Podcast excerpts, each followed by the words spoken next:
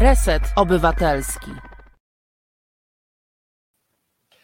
Witam Państwa w dzisiejszych trzech groszach. E, były plany na temat inny, ale przy tym, co się dzieje na świecie, nie mieliśmy wyjścia i drugi tydzień z rzędu będzie w dużej mierze o Chinach.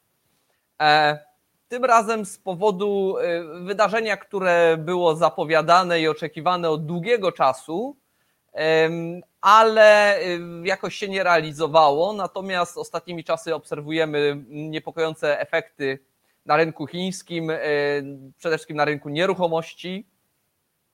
E, I dzisiaj chciałem porozmawiać zarówno o chińskim, jak i o polskim rynku nieruchomości.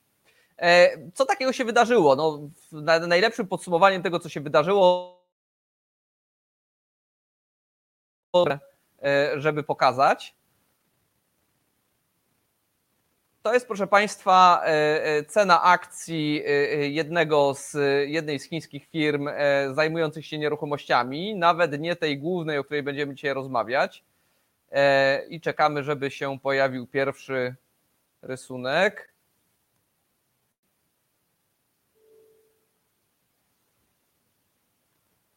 O, to jest, proszę Państwa, e, e, prezentacja skali e, problemu, o której rozmawiamy, czyli o kompletnym załamaniu mm, cen akcji niektórych chińskich deweloperów. I dlaczego nazwać załamanie cen akcji chińskich deweloperów? Ano dlatego, że jest to temat światowy i na cały świat rozlać się może. Cały świat o tym rozmawia. Poproszę rysunek numer dwa, to dobrze zobrazuje E, e, to, o czym mówię.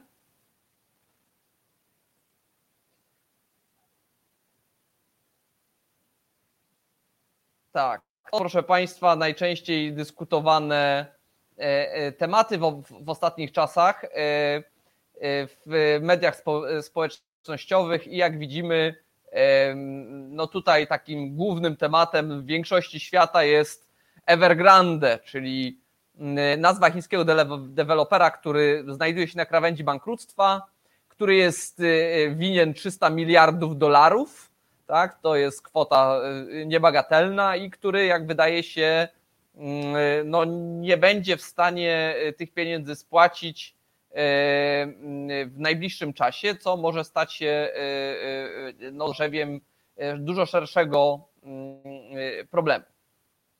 Ale skąd ten problem w ogóle?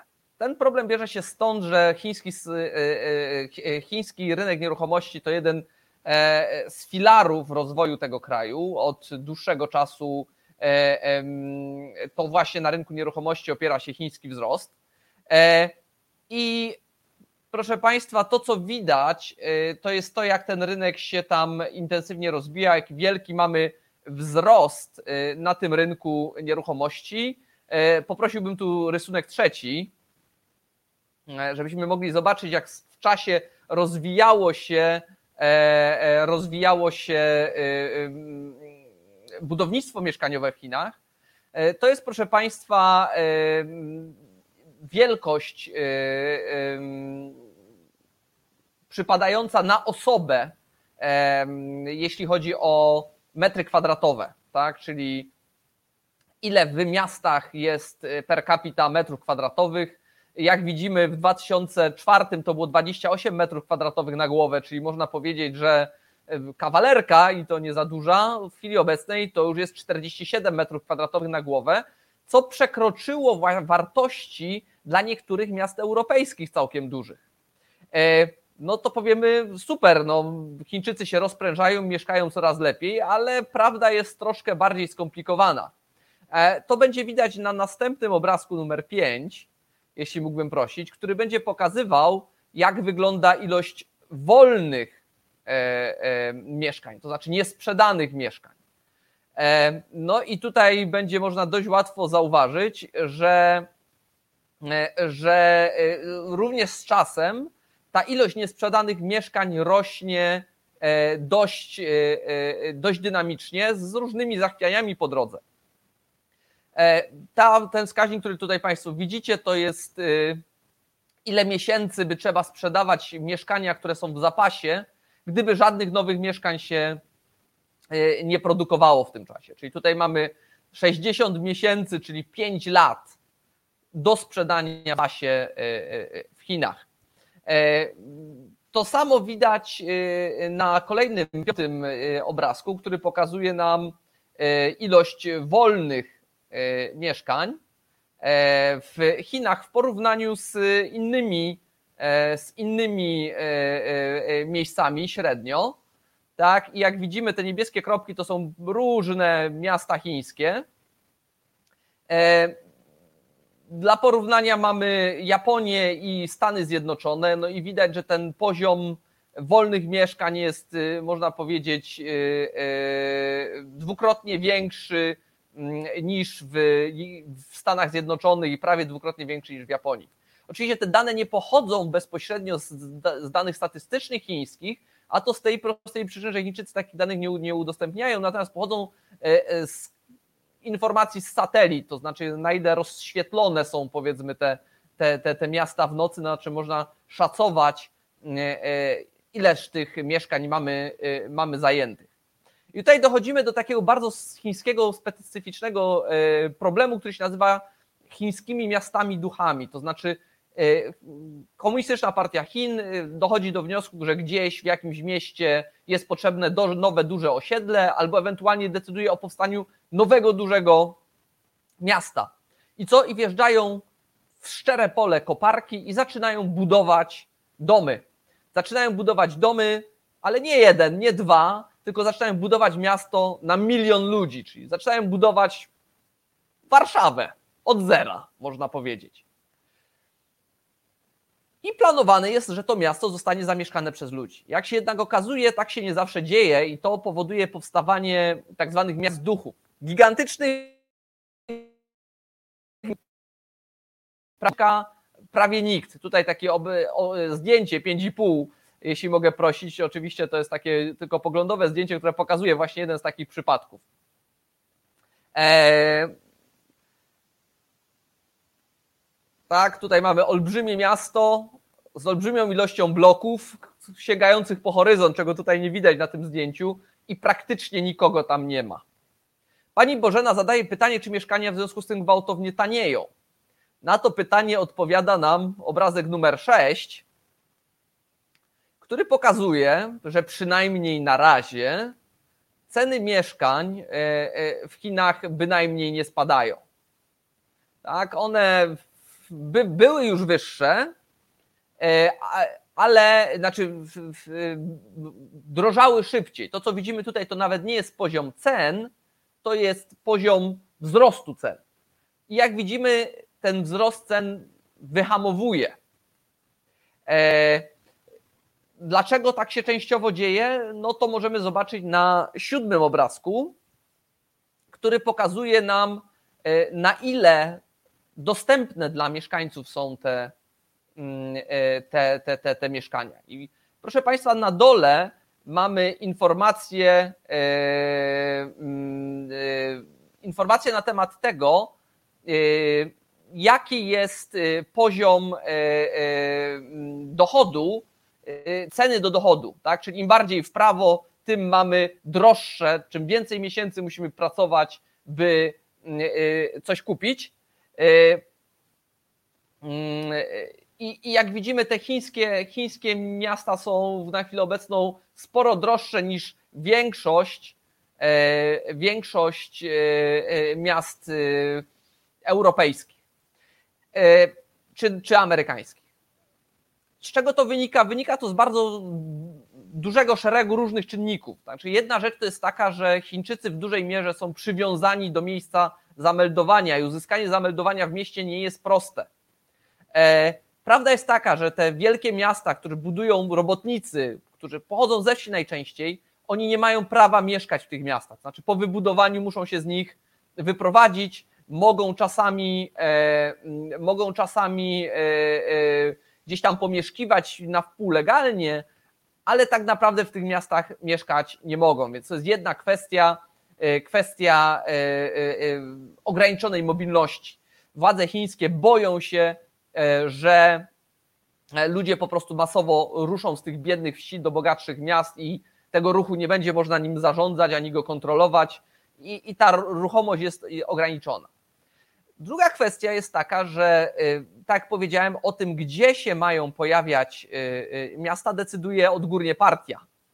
I te decyzje nie zawsze są trafione, co czasem ma, ma przełożenie na to, że ci ludzie się tam nie wprowadzają, bo nie mają po co. Ale jednocześnie samo wydawanie pozwoleń na budowy stanowi dochód dla lokalnych y, y, y, społeczności, dla, lokalnego, dla lokalnej administracji, co powoduje, że te pozwolenia są wydawane. I często powoduje to fakt, że nagle pojawiają się mieszkania w miejscach, których nikt nie chce kupić, więc rośnie, rosną nam zapasy z drugiej strony, mieszkania tam, gdzie one są naprawdę potrzebne, zbudować już e, bardzo ciężko. Więc ceny tych mieszkań w największych miastach, tych pierwszo, pierwszorzędnych miastach, no, e, cały czas utrzymują się na, na wysokim poziomie. Pani Bożena się pyta, dla kogo te miasta są budowane. No, są budowane dla ludzi, których się oczekuje, że częściowo się przeniosą z tych, z tych wsi, w sposób jakoś tam planowy, żeby można to było e, zagospodarować. Szczególnie, że ten ruch tam e, będzie całkiem spory. Tak, to mogą być, tak pan Paweł zauważa, robotnicy fabryczni do fabryk, którzy, którzy tam znajdują, ale problem polega czasem też na tym, że te fabryki nie powstają albo stają się nierentowne. To jest problem jednej z prowincji, gdzie zbudowano gigantyczne miasto z przeznaczeniem dla górników węgla kamiennego, kiedy właściwie kraj się wycofuje z wydobycia węgla kamiennego, miasto stoi. Jak długo to stoi gdzieś na e, e, e, bilansie u dewelopera, który udaje, że to są super mieszkania, które sobie czekają, to to wygląda jeszcze jako tako. Natomiast problem polega na tym, kiedy te pieniądze są zamrożone i nie widać horyzontu ich odzyskania, zwiększanie skali dalszego budowania powoduje, że pojawiają się nowe środki i można ukryć to, że jakaś część pieniędzy jest zamrożona, właściwie nawet można powiedzieć stracona. I skoro tak się dzieje, to ten problem narastających złych aktywów jest spory, ale bardzo długo ukrywany. To, co widzimy teraz, czyli kryzys Evergrande, to jest właśnie e, efekt tego, że nie dało się dłużej ukryć, tego, że tak zadłużona firma nie ma właściwie widoków na to, żeby spłacić kredyty, żeby spłacić e, dostawców, żeby co gorsza, wykończyć mieszkania, na które ludzie czekają. Mówi się tutaj o setkach tysięcy mieszkań, e, które Evergrande ma oddać, a nie może, bo nie ma z czego ich wykończyć. E, oczywiście upadek tak wielkiego dewelopera, jeszcze raz mówię, bo rozmawiamy o 300 miliardach dolarów roz, rozmawiamy o 300 miliardach dolarów, e, spowoduje gigantyczne problemy na rynku. Znaczy, z jednej strony dla banków, które nie odzyskają swoich pieniędzy, z drugiej strony dla ludzi, którzy czekają na mieszkania, którzy nie dostaną swoich e, e, mieszkań. To w dużej mierze przypomina, przypomina problem, to w dużej mierze przypomina problem amerykański, który pamiętamy z 2008 roku, gdzie rynek nieruchomości wywołał duży kryzys, który rozlał się po całej gospodarce. Różnica jest jednakowoż taka, że w Stanach to rozpoczęło się od systemu finansowego, który przetrzymywał większość długów związanych z rynkiem nieruchomości. Natomiast, natomiast z drugiej strony w Chinach wygląda to raczej w drugą stronę. To znaczy, że E, to znaczy, że e, te długi są u deweloperów i to deweloperzy stanowią jakby to zarzewie e, problemu. Różnica między Stanami a Chinami jest taka, że w Stanach Zjednoczonych w dużej mierze no, problem odbił się na firmach prywatnych. W Chinach wiemy, że filozofia jest zupełnie inna i istnieje bardzo duże oczekiwanie, że rząd chiński w taki czy inny sposób ten problem rozwiąże on, rząd chiński już od dłuższego czasu próbuje e, restrukturyzować branżę deweloperską, zdając sobie sprawę z tych problemów, ale idzie to powoli, a sama branża się przed tym broni. E, kryzys Evergrande prawdopodobnie doprowadzi do tego, że że właśnie te, te zmiany i te reformy tam zostaną wprowadzone, samo Evergrande, samo Evergrande prawdopodobnie zostanie przejęte i podzielone. No to są jedne ze scenariuszy. Inne scenariusze mówią o tym, że partia nakaże bankom pożyczyć dodatkowe pieniądze, że część długu zostanie znacjonalizowana. Co się stanie, nie wiemy tak naprawdę i wszyscy wyczekują z dużym e, niepokojem na to, co się stać może. E, mm, sam rząd chiński wydaje się być bardzo ostrożny i działa dużo wolniej niż wszyscy się spodziewali. To znaczy, po dziś dzień nie ma żadnego wyraźnego komunikatu na temat tego, co się tam wydarzyć może i jakie są plany. E, co więcej, sam rząd chiński wysyła do władz lokalnych informacje, żeby się przygotować na burzę, co świadczyłoby o tym, że być może tego ratunku nie będzie. E, to jak to mówi chińskie przysłowie, chodzi o to, żeby zabić kota, aby przestraszyć małpy. To znaczy, aby upadek Evergrande e, na tyle przestraszył innych graczy na rynku, aby poddali się nadzorowi partii komunistycznej w większym zakresie niż w chwili obecnej.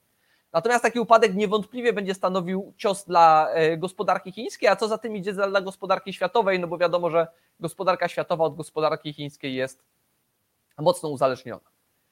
E, niewątpliwie warto patrzeć na e, te wydarzenia i to, co będzie działo się w nadchodzących dniach, jeśli nie godzinach, bo prawdopodobnie może mieć to gigantyczne przełożenie na to, co zobaczymy mm, w nadchodzącym czasie w samej gospodarce i e, e, zarówno w kursach walut, jak i, e, jak i we wzroście PKB w nadchodzących miesiącach. Uderzenie prawdopodobnie nie będzie porównywalne z COVID-em, ale może być znaczące.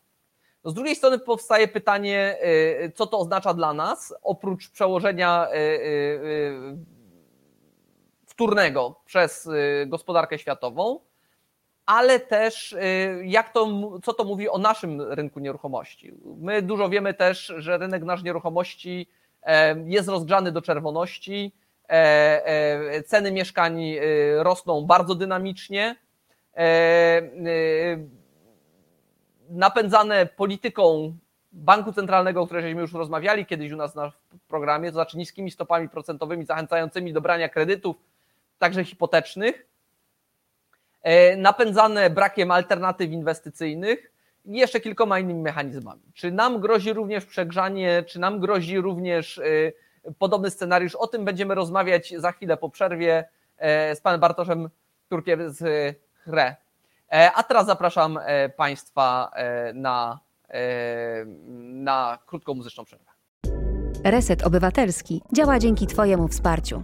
Znajdź nas na zrzutka.pl. Witamy po przerwie. Dzień dobry, panie Bartoszu. Dzień dobry, dzień dobry. E, zaczęliśmy od e, hiobowych wieści chińskich. E, może pan nam jeszcze e, dopowiedzieć kilka słów z punktu widzenia analityka rynku, jak to wygląda e, w nasłuchu, że tak powiem, szerzej rynkowym, to znaczy jakie są oczekiwania E, no to ja od razu muszę zaznaczyć, że sinologiem niestety nie jestem. E, e, tyle, co udało mi się przygotować do naszego dzisiejszego spotkania, bo faktycznie o Evergrandzie dużo się mówi. Jest to spora firma o bardzo dużym zadłużeniu, tak jak Pan mówił, 300 miliardów dolarów. To, żeby to tak jakoś odnieść do e, rzeczy bliższych nam. To mniej więcej trzyletni e, budżet Polski. To, to naprawdę są ogromne pieniądze. E, jeszcze do tego dodałbym na przykład taką informację, że Evergrande przyjął wpłaty na budowę półtora miliona mieszkań. I, I jeszcze tych mieszkań nie zbudował. Także oczywiście w skali Chin, to może nie jest e, bardzo duży odsetek e, obywateli, którzy, którzy mogliby zostać e, pokrzywdzeni tym, gdyby, gdyby firma upadła, ale, ale jest to bez wątpienia znacząca liczba. Także ja mam wrażenie, że w ogóle komunistyczna partia Chin już udowodniła, że potrafi sobie radzić z różnymi problemami. Gdy była na przykład niechciana przez partię przecena na rynku akcji, to po prostu wyłączono tę przecenę. Także e, jakby e, mam wrażenie, że e, tutaj możemy mieć do czynienia z podobnym scenariuszem, to znaczy jeżeli partia uzna, że upadłość jest jej nie na rękę, to nie będzie upadłości. Zresztą już jest mowa o tym, że banki czy wierzyciele szerzej to ujmując powoli, dogadują się z Evergrandem i po prostu czekają na swoje odsetki i są w stanie więcej poczekać, dłużej poczekać niż się pierwotnie umawiano. E, także myślę, że e, e, to jest scenariusz, który jest prawdopodobny, że, że ten problem będzie się powoli rozchodził po kościach. Ale też w ogóle trzeba mieć świadomość, że już od jakiegoś czasu partia próbowała schładzać sytuację na rynku mieszkaniowym, także wprowadzano różne ograniczenia jak chociażby to, że e, cudzoziemcy nie mogą kupować e, nieruchomości w Chinach, że wprowadzane są, bo to też jest ciekawe, że w różnych miejscach bywają różne regulacje, ale na przykład różne wymagania wyższe odnośnie wkładu własnego, wysokie wymagania odnośnie tego, jaka część E, pieniędzy może zostać e, pożyczona na budowę e, nowych nieruchomości deweloperom. Tych regulacji takich związanych z opodatkowaniem na przykład sprzedaży nieruchomości czy spekulacji na rynku nieruchomości, tego jest naprawdę było dużo w Chinach. Teraz też trochę tak tłumacząc to, dlaczego Evergrande w końcu no, ma te problemy e, płynnościowe. Wspomina się często o tym, że e, w poszukiwaniu gotówki e, podpisywał liczne umowy z dużymi rabatami po to, aby no, skusić potencjalnych klientów i uzyskać przedpłaty. Teraz też znowu mowa jest o tym, że niektóre lokalne władze zabroniły takiego procederu, czyli zabroniły dużych rabatów deweloperom. Także naprawdę tam się sytuacja rozwija, rozwija ciekawie, ale tak w szerszej perspektywie, gdybyśmy na to spojrzeli, no to bez wątpienia komunistyczna partia Chin nie potrzebuje niezadowolenia społecznego i nie potrzebuje dużych problemów gospodarczych. Szczególnie e, będąc na ścieżce takiego ekonomicznego konfliktu ze Stanami e, Zjednoczonymi.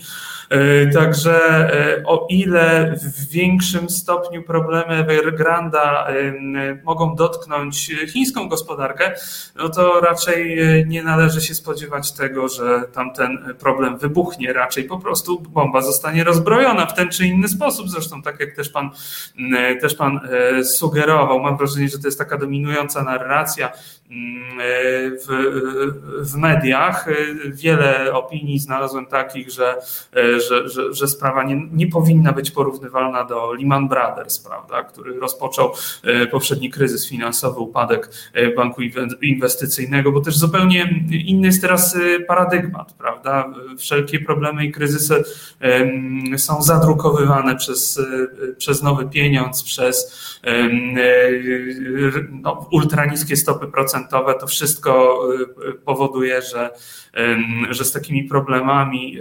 zadłużeniowymi Evergrande ma szansę, czy, czy może Chiny szerzej ujmując, mają szansę sobie poradzić. Chociaż Chińczycy jakby nie wpisali się w ten dość ogólnoświatowy trend y, ultraniskich stóp procentowych, tam jednak te 5-6% y, obowiązuje. Ja się zastanawiam, y, że tak powiem, przeskakując od razu. Jedna rzecz, ja się raczej zgadzam, choć ciężko wejść w głowę oczywiście komunistom, co im może wpaść do głowy, no, że prawdopodobnie tam jakiegoś y, y, y, wybuchu nie będą chcieli, chyba że mają w tym cel właśnie przestraszyć całą resztę. To też może być taka. No tak, chyba że więcej może, może stracić, mogą stracić Amerykanie na tym, prawda? No ale. Tak. To, to akurat jest już coś, czego nie dowiemy się z oficjalnych bilansów Evergranda. No, tak jest.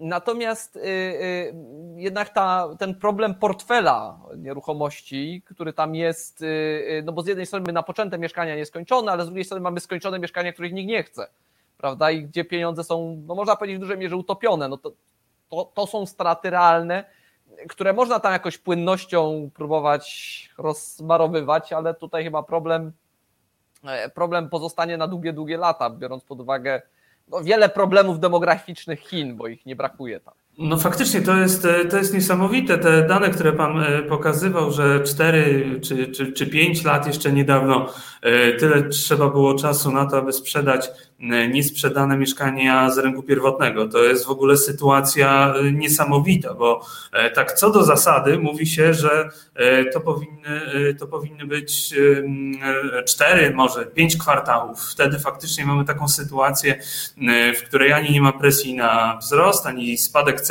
że jakby sytuacja jest ustabilizowana na rynku pierwotnym. A tutaj wyniki są kilkukrotnie wyższe, także ewentualny potencjał do spadków cen jest. Przy czym 90% Chińczyków to są właściciele nieruchomości. Bardzo wiele osób inwestuje właśnie na rynku e, nieruchomości. Bardzo wielu Chińczyków inwestuje na rynku nieruchomości. Jest to element statusu społecznego, jest to element zabezpieczenia emerytalnego, jest to element, który po prostu chroni bogactwo e, czy, czy, czy jakby to, to jest aktywo jedno e, z niewielu, które, w które faktycznie bez problemu Chińczycy mogą inwestować. I teraz sytuacja, w której doprowadzono by do, do jakiejś gwałtownej przeceny na rynku mieszkaniowym jest ze wszech miar niebezpieczna. Znowu ze względu na ewentualne niepokoje społeczne, mm, czy ze względu w ogóle na konsumpcję, bo też jest tak, że jeżeli ktoś ma nieruchomości, których wartość zna i ta wartość na przykład w ostatnich latach cały czas rosła, to to powodowało, że takie osoby chętnie konsumowały, wydawały pieniądze na przykład na inne rzeczy. E, I teraz, gdyby się okazało, że e, to zabezpieczenie, ten majątek jest jednak niższy, no to uderzyłoby to e, w konsumpcję Chińczyków, a przecież konsumpcja ma być teraz motorem wzrostu Chin. Także z wielu powodów jakichś potężnych perturbacji, mam wrażenie, bardzo wiele osób będzie próbowało w Chinach po prostu uniknąć. Tak, y, to, y, to się wydaje. Natomiast y, to się nakłada na taką dłuższą perspektywę próby chłodzenia tego rynku przez władze chińskie. E, ja się zastanawiam teraz już przeskakując troszkę jedną nogą na nasze podwórko, e, e, no bo to, co obserwujemy u nas, to są duże wzrosty cen rynku nieruchomości,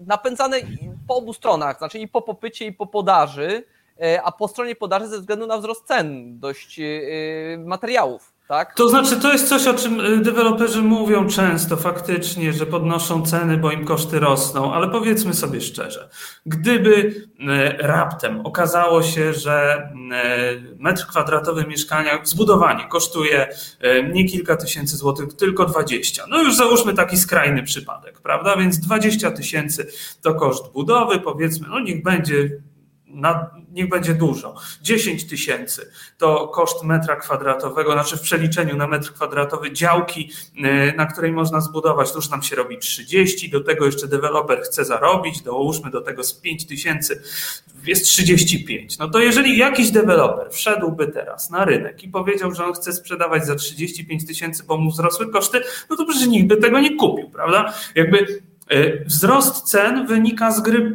podaży i popytu. Gdyby nie było tak, że są chętni do zakupu mieszkań, to nawet jakby deweloperom aż w tak absurdalny sposób, o którym tutaj mówiłem, wzrosły koszty budowy, to i tak by tych, nikt by tych mieszkań nie kupował. Ludzie kupują dlatego, że potrzebują i dlatego, że mm, przynajmniej ci, którzy kupują, no uznają, że ich na to stać. Także sytuacja e, tutaj, w której deweloperzy mówią, że faktycznie koszty im rosną, albo na przykład e, mamy deweloperski fundusz gwarancyjny i będzie trzeba 1% ceny nieruchomości wpłacać na ten fundusz. To są oczywiście elementy, które wpływają na koszty, ale to nie koszty są efektem, nie, nie efektem kosztów są ceny, prawda? Efekty, ceny są efektem gry podaży i popytu, co do zasady przede wszystkim.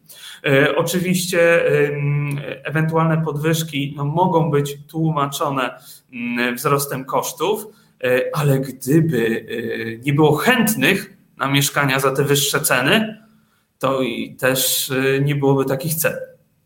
Ale to wtedy też nie byłoby budów nowych, prawda? To obserwujemy. Dokładnie, dokładnie, dokładnie, dokładnie, jak najbardziej tak. I to też jest ten trochę tutaj łączy się z bardzo gorącym tematem tak zwanej patodeweloperki. Ja bardzo nie lubię tego sformułowania, bo jeżeli, co, jeżeli ktoś mieszka w mieszkaniu takim małym, to co jest patolokatorem, no jakby ja, ja strasznie nie lubię tego określenia, ale oczywiście wszyscy chcielibyśmy mieszkać. Ja też bym chciał mieszkać w znacznie większym mieszkaniu niż mieszkam. Chciałbym, żeby na przykład moje dzieci miały swoje własne pokoje, no ale jakby nie, nie mogę sobie na to pozwolić. I, i, I, sytuacja tutaj mm, jest taka, że oczywiście wszyscy chcielibyśmy mieszkać w dużych mieszkaniach otoczonych zielenią, ale to by znacznie więcej kosztowało. I nie każdego byłoby na to stać i powstawałoby jeszcze mniej mieszkań. I to by powodowało, że ceny jeszcze by rosły. I to nie tylko y, ceny zakupu, ale też najmu. Także to wszystko trzeba uwzględnić. Y, to, to, to nie jest tak, że deweloperzy y, jakby są chciwi i jakby efektem tej chciwości jest to, że ceny mieszkań rosną. To wszystko są elementy połączone. Owszem, rosną koszty, owszem, owszem jest tak, że ziemia drożeje, owszem jest tak, że w ogóle ziemi brakuje. To też wszystko ma przełożenie na podaż mieszkań. Ja bym szedł raczej tym tropem. Nie, że y, ceny gruntów rosną, nie, że koszty budowy rosną, y, dlatego ceny rosną, tylko brakuje gruntów, brakuje y, materiałów, brakuje ekip budowlanych, dlatego mniej się buduje, i dlatego popyt jest niezaspokojony, brakuje mieszkań do sprzedaży. Tak jak właśnie odnieśmy się znowu do kin. W kinach 40 miesięcy, czy 50, czy 60 miesięcy mm, trwałaby sprzedaż istniejącej podaży. U nas y, y, dwa kwartały y, w, w dużych miastach. To jest za mało, to jest o, dwa razy więcej powinno być mieszkań w ofercie. Możemy też powiedzieć, dlaczego ich, ich nie ma. Ale właśnie to, że brakuje działek, brakuje materiałów, brakuje ekip, powoduje, że mniej się buduje. Gdyby się więcej budowało, Gdyby tych działek było więcej, gdyby y, materiały y, były łatwo dostępne w przystępniejszych cenach i gdyby łatwiej było o ekipy budowlane, to i ceny nieruchomości byłyby niższe, bo podaż nie byłaby rażąco niższa od popytu. No, porozmawiamy jeszcze chwilę o, o, o pewnej narracji, która jest od strony popytu teraz. Do, do podaży jeszcze sobie wrócimy pewnie. Ale tutaj słyszy się różne rzeczy. No bo jest pytanie, z czego się składa ten popyt, i słyszymy mhm. o kilku rzeczach. Y, przede wszystkim o kwestii związanej z tak zwaną y, zakupami inwestycyjnymi. To znaczy, że ja kupuję mieszkanie nie dla siebie, tylko że mam środki, chcę je gdzieś ulokować. W banku dostaję nic, tak? czyli de facto tracę 5% w skali roku. W związku z czym chcę sobie zainwestować w jakieś mieszkanie i go wynajmować. Y, słychać było nie tak dawno o jakimś funduszu bodajże szwedzkim czy norweskim, który do Warszawy wkroczył i po prostu na pniu kupił chyba 50 mieszkań. E, no 50 to jeszcze nie problem, gorzej jak kupuje 10 tysięcy. E, I też i tyleż kupił?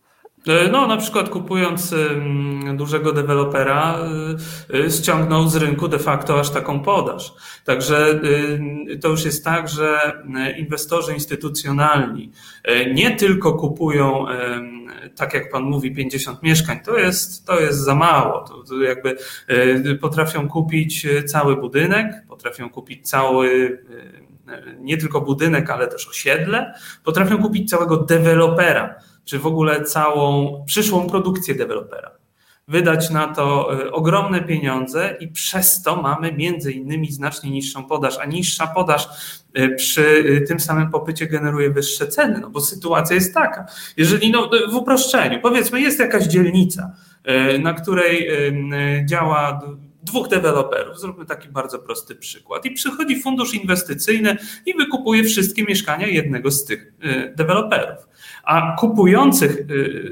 y, chętnych do zakupu mieszkania w tej dzielnicy, bo na przykład im się urodziło dziecko, czy, y, czy na przykład rozpoczęli tam pracę, studia, chcą tam mieszkać, no nie ubędzie prawda? Z tego powodu, że jakiś fundusz wykupił całą ofertę jednego z deweloperów. I wtedy mamy taką sytuację, że ci potencjalni kupujący idą już nie do dwóch biur sprzedaży, ale do jednego biura sprzedaży. I mają do wyboru e, nie dwa, trzy czy cztery mieszkania, tylko o połowę mniej. I to powoduje, że oni są wtedy w stanie i skłonni wydać wyż, większe pieniądze na zakup tych nieruchomości, które na rynku zostały. I to jest schemat, który mam wrażenie w tym momencie jest jednym z największych zagrożeń dla polskiego rynku mieszkaniowego. Bo jeżeli spojrzymy dane firmy y, JLL, która między innymi zajmuje się tym, aby obsługiwać takie fundusze inwestycyjne, mówi o tym, że y, w pierwszym półroczu bieżącego roku na rynki no przede wszystkim największych miast y, napłynęły inwestycje mm, o wartości prawie 3 miliardów złotych. A normalny obrót na siedmiu największych rynkach to jest jakieś 15-20 miliardów. Czyli co? Czyli się raptem okazuje, że 15-20% e, podaży w pierwszym półroczu zostało ściągnięte z rynku przez fundusze inwestycyjne, to to już jest naprawdę niebezpieczne. E, I teraz tak, Działa tutaj bardzo prosty mechanizm i on działał na Zachodzie przez wiele, wiele lat. Jeżeli weźmiemy pod uwagę Niemcy, Berlin, jeżeli weźmiemy pod uwagę e, Paryż, jeżeli weźmiemy pod uwagę o niedawny temat Amsterdam, jeżeli weźmiemy pod uwagę Londyn, to tam taki mechanizm działał. Zagraniczne fundusze inwestycyjne które są mm, znacznie bardziej destrukcyjne, o tym też możemy porozmawiać dlaczego, niż pojedynczy inwestorzy kupujący mieszkania na wynajem. Bo pojedynczy Kowalski, który kupi mieszkanie na wynajem, on chce to mieszkanie wynająć. Dla niego najemca jest klientem, o którego będzie zabiegał. I jeżeli tych klientów będzie mniej, niedawno żeśmy to testowali, czyli podczas y, epidemii, no to obniży cenę. Albo coś doda. E, zadba o to mieszkanie bardziej, zadba o względy e, najemcy.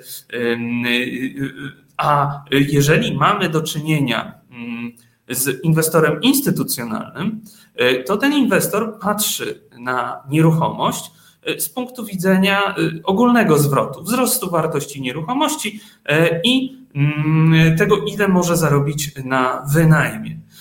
I teraz Znane są takie przykłady, że na przykład w Berlinie było, było ograniczenie odnośnie tego, o ile może wzrosnąć czynsz na lokalnym rynku. Ale jeżeli na tym lokalnym rynku głównym rozgrywającym, y, głównymi rozgrywającymi są fundusze inwestycyjne, to one, ustalają cenę rynkową prawda? Więc jakby y, jeżeli jest y, górna granica możliwości podniesienia czynszu, a my ustalamy cenę rynkową, no to możemy w dużej mierze dowolnie y, kształtować czynsze. Pomimo ograniczeń, które, których muszą przestrzegać indywidualni, pojedynczy inwestorzy, którzy sobie kupili na przykład jedno mieszkanie na wynajem, albo nawet niech sobie kupią całą kamienicę, to dalej to jest 10, 20 mieszkań, no a nie 1000, 100 czy 200 tysięcy. Idąc dalej, y, niedawny przykład y, y, w ramach Polskiego Ładu wprowadzone ograniczenie, że właściciele mieszkań na wynajem nie będą mogli w przyszłym roku amortyzować nieruchomości. No i to będzie miało wpływ na podatki, które będą płacić. Ogólnie trochę im rentowność spadnie. Okej, okay, to faktycznie dotknie e, inwestorów indywidualnych, ale inwestorów instytucjonalnych niekoniecznie. Jeżeli to są zagraniczne fundusze inwestycyjne, to dla nich nie jest dużym problemem, że oni nie będą mogli amortyzować mieszkań. Oni mogą na wiele innych sposobów e, nie płacić podatku dochodowego w Polsce. Także y, to są takie tylko przykłady. Y, już abstrahując nawet od tego, że taki duży podmiot, y, który dysponuje mm, ogromnymi y, dochodami, może też w inny sposób mm, nie stosować się do końca do reguł gry. Może no, na przykład znowu Berlin. Były przykłady takie, że tam nie można było podnosić czynszu, no chyba, że się zrobiło dużą inwestycję, podniosło standard nieruchomości no to taki fundusz e, robił generalny remont, termomodernizację, wymieniał okna i tak dalej i podnosił czynsz. Mógł, prawda? Jakby e, zgodnie z prawem. Także wiele jest takich mm, elementów, miejsc, aspektów, które pokazują, że e, duży inwestor instytucjonalny ma znacznie gorszy wpływ na rynek niż pojedynczy inwestor, który kupi sobie jedno mieszkanie na wynajem. Także ja powiem szczerze, tymi pojedynczymi inwestorami, którzy sobie kupują właśnie to jedno, dwa, niech nawet będzie pięć mieszkań na wynajem, bym aż tak nie straszył, bo oni są znacznie mniej w swojej masie groźni, w cudzysłów to weźmy, niż, niż ten kapitał e, zagraniczny, który ostrzy sobie zęby e, na nieruchomości w Polsce, bo może na nich zarobić co najmniej dwa razy więcej niż, niż u siebie. To też pokazuje, bo tu mówimy o rentowności, to też jakbyśmy wzięli pod uwagę, to rentowność to jest to, ile można zarobić względem ceny nieruchomości. Czyli z punktu widzenia takiego zagranicznego funduszu, to y, ceny mieszkań w Polsce musiałyby być dwa razy wyższe, y, żeby rentowność była podobna jak na Zachodzie. Czyli jakby no, istnieje poważne ryzyko, że będziemy dążyć do tego, a my nie chcielibyśmy dążyć do tego w zbyt szybkim tempie. W ogóle sytuacja, w której y, ceny nieruchomości rosną szybciej niż rosną pensje Polaków, to jest coś, co y, zbliża nas do strefy niebezpiecznej. Y, I mam nadzieję, że uda nam się, uda nam się tego, tego uniknąć. A to kilka pytań się nasuwa tutaj od razu. E, pierwsza rzecz to jest taka, ci inwestorzy duzi, tak, czyli ci groźniejsi, ile to jest procentowo udział popytu? Czy to oni robią ten popyt, czy to robi ten popyt y, y, masa inwestorów, którzy uciekają z pieniędzmi z banków, bo mogą wziąć tanio kredyt, dołożyć trochę swojego i, i kupić mieszkanie? No to w tym momencie, mm, tak jak mówiłem o tych y, około 3, 3 miliardy, przy czym to 3 miliardy, jeszcze pół roku wcześniej to było mniej niż miliard. Więc jakby y, tu mamy bardzo dużą y, dynamikę. W tym momencie można szacować jakieś 10, 15, może 20% podaży. Y, te fundusze mogły ściągnąć z rynku w pierwszym półroczu bieżącego roku, ale sytuacja jest bardzo dynamiczna. I w ogóle też jest, jest wiele różnych badań, które pokazują, że na przykład 1% udziału inwestorów takich instytucjonalnych w rynku, każdy jeden punkt procentowy ich udziału to, to jest wzrost cen w ogóle o około 2 punkty procentowe. Trafiłem na, na badanie, z którego wynikało, że właśnie znacznie bardziej negatywny jest wpływ inwestorów instytucjonalnych niż inwestorów indywidualnych na, na sytuację na rynku mieszkaniowym. Zresztą, tak jak, tak jak pan, ale, ale właśnie wracając, no tak jak pan wspomniał, ten popyt generowany przez inwestorów to jest około, on jest wyższy niż w przypadku tych inwestorów indywidualnych, on jest wyższy niż w przypadku e, inwestorów instytucjonalnych. Różne są szacunki 30-40%, e, też w zależności od tego, o jakim e, rynku rozmawiamy, czy o rynkach dużych miast, czy o małych miejscowościach. Tutaj naprawdę trudno jest o e, dane kompletnie niepodważalne, bo są też takie e, szacunki jednej, e, jednego z portali, który, który zajmuje się no, taką jakby pomocą w zakupie mieszkania. Tam znalazłem informację, że to jest zaledwie kilkanaście procent ci inwestorzy. Także szacunki są bardzo różne, bo prawda jest taka, że jak taki klient przychodzi do dewelopera, o ile nie kupuje powiedzmy dwóch, trzech czy pięciu mieszkań, no to mm, nie pyta się deweloper co do zasady, czy, czy pan kupuje, pan, pani, prawda, to mieszkanie w celach inwestycyjnych czy nieinwestycyjnych. To jakby y, dlatego y, trudno jest to mierzyć. No, ja bym się skłaniał raczej w kierunku takich szacunków, że jest to około 30% tych inwestorów y, indywidualnych. I mam wrażenie, że w tym momencie możemy mieć do czynienia z takim no, trochę apogeum tego popytu, bo on co do zasady przeważnie jest gotówkowy. E, to znaczy ktoś, kto y, ma wystarczająco dużo pieniędzy, idzie do biura sprzedaży dewelopera i kupuje te mieszkania nie na kredyt, e, tylko za gotówkę. No jednak, żeby kupić mieszkanie inwestycyjnie, E, to są banki, e, w których na przykład sytuacja, w której ktoś nie będzie mieszkał samodzielnie w mieszkaniu, e, które kupuje na kredyt, no to już powoduje, że, że kredytu się nie otrzyma. Jak się bank dowie, że, że tak jest, to kredyt zostanie wypowiedziany. I to mówię o jednym z największych banków w Polsce, który ma takie wewnętrzne regulacje. Także to nie jest tak, że można sobie przyjść i powiedzieć w banku, że chce na przykład sobie kupić pięć mieszkań na kredyt, bo banki co do zasady nie mają takiego produktu, kredyt y, dla y, właścicieli mieszkań na wynajem. Banki mają co do zasady produkt, kredyt y, na mieszkanie, w którym chce sam mieszkać. Jedno, dwa może się uda sfinansować, ale to będzie takie już trochę powiedziałbym niekoniecznie zgodne z regulacjami, ale pięciu przy 10 mieszkań na kredyt, no w tym momencie banki mm, bardzo y, zupełnie inaczej niż jeszcze kilka lat temu sprawdzają y, potencjalnych kredytobiorców i mam wrażenie, że y, takich transakcji po prostu nie, nie, nie uda się przeprowadzić z kredytem, także przede wszystkim to są takie inwestycyjne zakupy gotówkowe. E, także e, to jest, e, to, to, to, to, te mieszkania kupują osoby, które no faktycznie na te mieszkania stać, mają tę gotówkę, żeby mieszkanie kupić. Z punktu widzenia tego, ile, jaka jest zyskowność lokaty, no to w oczywisty sposób bardziej opłaca się wielu osobom kupić mieszkanie na wynajem. Rynek najmu teraz jakby wraca, ożywia się, koniunktura wraz z tym, jak kolejne uczelnie E, ogłaszają, że będą e, uczyły już normalnie, stacjonarnie i miejmy nadzieję jak najdłużej e, tak już to będzie, no to, to rynek, rynek w dużych miastach odżywa.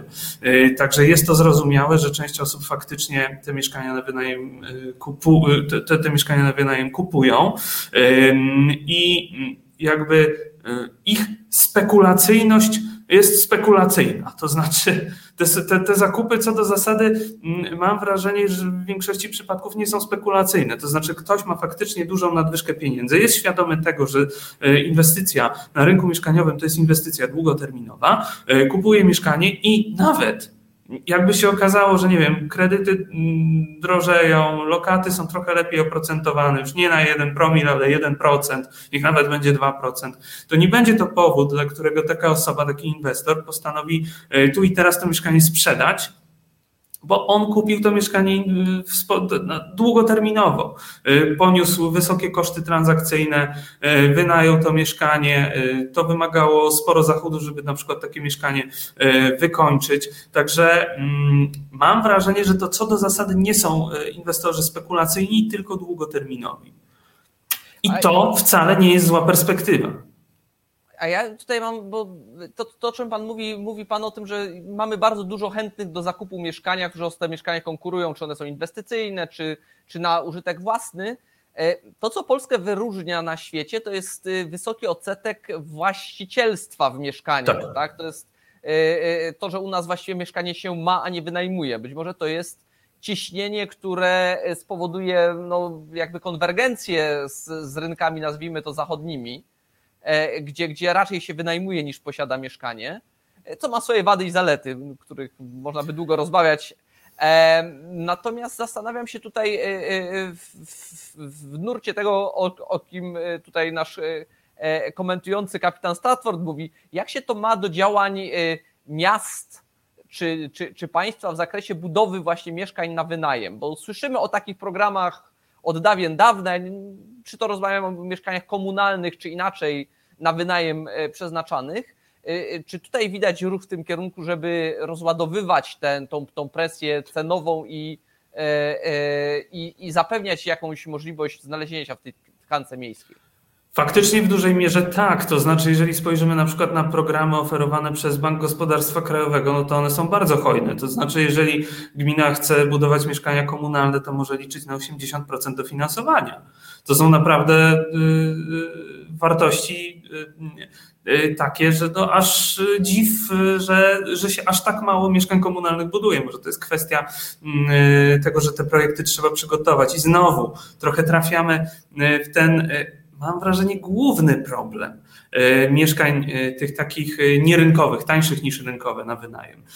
Że to wymaga naprawdę dużego zaangażowania organizacyjnego, na, nie, na które niekoniecznie stać gminy. Ale no to też znowu jest rozwiązanie. Program lokal za grunt, to znaczy sytuacja, w której jakiś samorząd na przykład dochodzi do wniosku, że no nie czuje się na siłach, aby przeprowadzić całą inwestycję.